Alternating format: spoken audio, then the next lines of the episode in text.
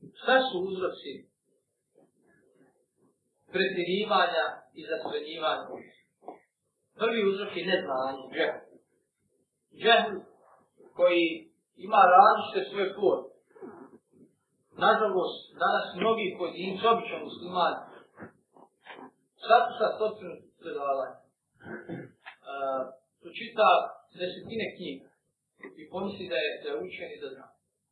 Počne razumijevati vjeru na svoj način, pomažiti vjeru na svoj način i naravno sprovoditi takvu vjeru u svom okruženju i napraviti ljudsku ličku. Mi znamo da je vjera, da je, da je nauka o vjeri, da je ona uh, široka. To nije da učiti par radisa, da je, to, da je to nauka kao i sve druge nauke, kao što je medicina. Medicina je li široka nauka, I niko, niko od običnog svijeta, od muslimana, neće sebi dozvoliti da pročita jednu brošuru, ili kim bi medicine, da postane specijalista doktor iz ruke, iz stomatologije i tako da. Pa da daje ljudima krepe u medicini. Čovjek mu dođe, kaže, boli me to, ima te probleme, mu da ne, ova neku krepe i čovjek umri. Umre mu tijek, a opasnije je davanje krepe u islamu naročito ovaj, kada su pitan ovaj, osjetljiva pitanja. Čovjek je tada duhovno može stupiti, duhovno dobiti. Znači, prvo je džen neznanje i to je manji, manji opasna razlog. Čovjek ne zna, i ako shvati da ne zna, dobro je. On će kazati, ja ne znam, neću pustiti. Drugi razlog je nerazumijevanje.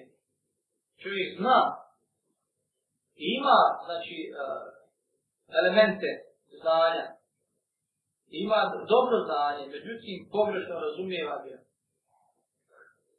to je slučaj sa onim pojedincima i grupama koje su se okrenule tekfiru i proglašavanju muslimana, znači za nevjernike i tako dalje, zbog grijeha, pa čak i zbog sitnica, tek, sve zbog velikog grijeha, zbog sitnice, manja od velikog grijeha proglašio od nevjernike. To znači nije nedostatak ovog kada ima dokaz, pročitao mnoštvo knjiga, zna mnoštvo hadisa, a te hadise nije pokučio kako treba. Nije razumio kako treba. Otišao u drugu, drugu kranicu.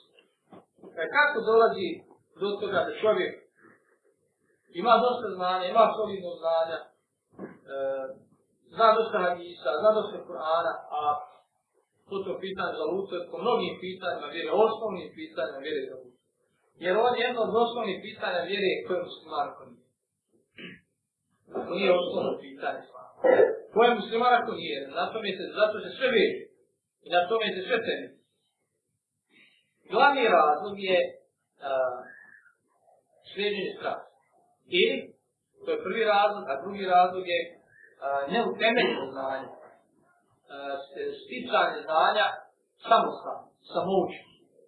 Morate a kući se određeni danas morate predlajiti, tako, ne morate doći po knjigama, uh, učiti, postati, ovaj, postati me, doktor, specijalista po knjigama, ne morate. Morate učiti kod, kod doktora, kod profesora, ići na specializaciju, na praktičnu nastavu, na praksu i tako dalje. Tako isto u islamu. Ako sami učite islam, ako niste učili pred ovaj, doktorima, profesorima koji imaju diplomu i čije znači, znanje i razumijevanje islama je potvrđeno komisijski. Dobili su i džazo, i džaza je ta dozvola, jel, to je, to smo se mani uvek. U prvim stoljećima nisu mogli svi govoriti na listu o fiku, dok nije dobili i džaz, i džaze znao. Priča o tome, to je današnja diploma.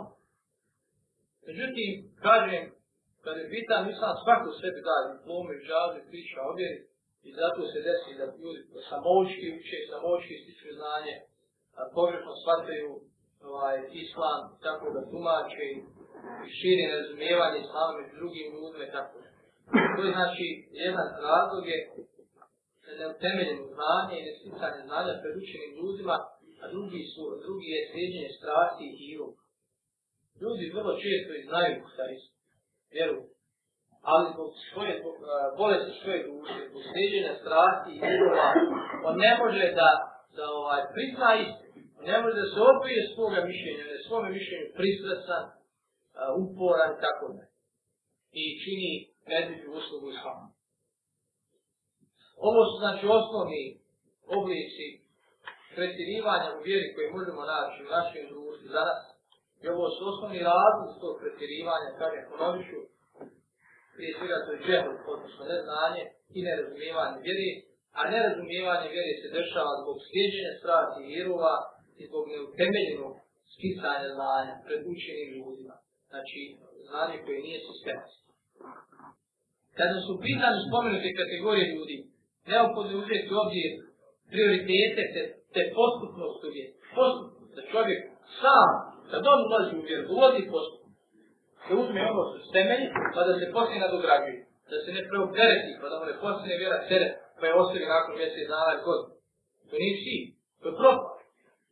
Tako je poslanik Ali Isra Tislam odgajao sahabe, postupno, postupni nared. Spomenuti pojedinci, grupe, znači, vrlo često obično svijet, obavezu stavljaju ono čime Allah nije obavezao i odabio, recimo, najstrožija mišljenja. Da uzeti ćemo najstrožije mišljenje, to je kaže, nije uvijek najstrožije mišljenje, najstrožije mišljenje. Nije to pravo, uzeti ću najstrožije pa ću biti, pa ću biti na pravo. Kaže, evo zakon dakle najstrožija mišljenja, iako postoje razlog da se ljudima lakša. Islam, recimo, nam, nalaže da se u momentima poteškoće i tegova prihvate i uzmu olakšice koje nudi šarijet, jer osnovni sin je ljudima olakšati vjeru života. Olakšati vjeru života. Recimo, za vrijeme posta. Uh, postoje olakšice ako ne može da posti, neće posti zbog bolesti određenih razloga, kad smo na putu posti olakšice, i za namad, i za post, i za mnoge druge procese. I svi ovi primjeri ukazuju da je Islam došao, da nam lakša vjera, da na tom putu vjere i dođemo što lakše do cilja, do lalu zadovoljstva i da nam na onaj svijet odemo, a da Allah bude zadan sa.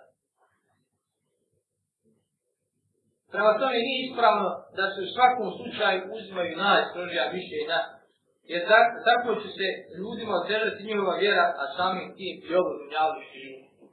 Mi nećemo govoriti o detaljima primjer, gdje se recimo čovjek, ovo su kompletna teška vremena. Ko hoće, ko će da se povuče da živi sam u svojoj kući, ovaj, da se ne mije sa niskim njima, vidim ko će da živi u ovom društvu, da se integrira, da živi, da a bude dio ovog društva, njemu je teško. I zato mnogi dolaze u različite situacije, šta ću došao sam u stavu, kako ću postupiti. Došao sam u ovu situaciju, kako ću postupiti. Ja ću uvijek budu uzimala najstrožnija mišljenja, ljudima, ljudima ću se otežati. Treba gledati, ako postoji očica po tom pitanju, da se ljudima lakša, skaže po tom pitanju, sam da je očica, pa privazi da ta očica je da uradiš to i to. A ne da uzmi, uzmite to, uzmi najstrožnije mišljenje, ne može, Pita čovjek, došao sam recimo bukvalno na vodik do zida, nema više nikud, zid debel, kuda ću, neka moraš prvi. Ne mogu debel zid, ništa glavu. Bukvalno dođemo tako situaciju da ljudima a, kažemo da to ne možeš, ali mu ne dajemo alternativu. Ne dajemo mu zanimu, izlaz. Ako kažeš čovjeku, ne možeš izići na vrata, jer su zagućana, moraš mu naći alternativu korak na nađi izlaz, kazati u tom slučaju ću rati gotovo. A ne, ne možeš izići gotovo. Ne možeš to raditi gotovo, ne mogu. Došao sam u čvrt soka, nema više izlaz, ne možeš i gotovo. To sad koga više koja ljudi otežavaju. Značemo da su takvi petri i odgovora da su mnogi ljudi došli znači u čvrt soka i napustili vjeru. Pustili vjeru. Znači, nisu vidjeli alternativu, nisu vidjeli uopće ovaj, budućnosti u takvoj, u takvoj. U pretjeranu strogost u vjeri svakako ulazi to da svijet uzimamo na file i mustehave kao da su fazove, pokužene stvari kao da su harane. Zaboravlja se, znači šta su to temelj vjeri. Pa su najbolji opet ovaj hadis, jedujina koji je pitao obavezama koje islam nalaže, poslanik koji je rekao, pet vakata namaza, e, dalje kaže žeka i post mjeseca Ramazana, kaže Bedunin ga je upitao, jesam li išta drugo obavezan, ne osim ako želiš dobrovoljno. Kada je ovaj čovjek otišao i rekao je tako mi Allaha na ovo neću ništa dodati ne oduzeti. A poslanik Ali Sala Tosva nam je na to rekao spašen je ako je iskren bio. Spašen je ako je iskren. Znači ovo su, draga braćo, samo neki primjer pretirivanja u vjeri i u ime vjere koje se može naći u današnjem islamskim iskustva, pa i ovdje kod nas, nisu spomenuli tri, jer rekli smo da je to činjenje uh, nasilja i terora, terora u ime vjeri, pretjerana strogost prema samom sebi, jeli, idealističko gledanje na drugo.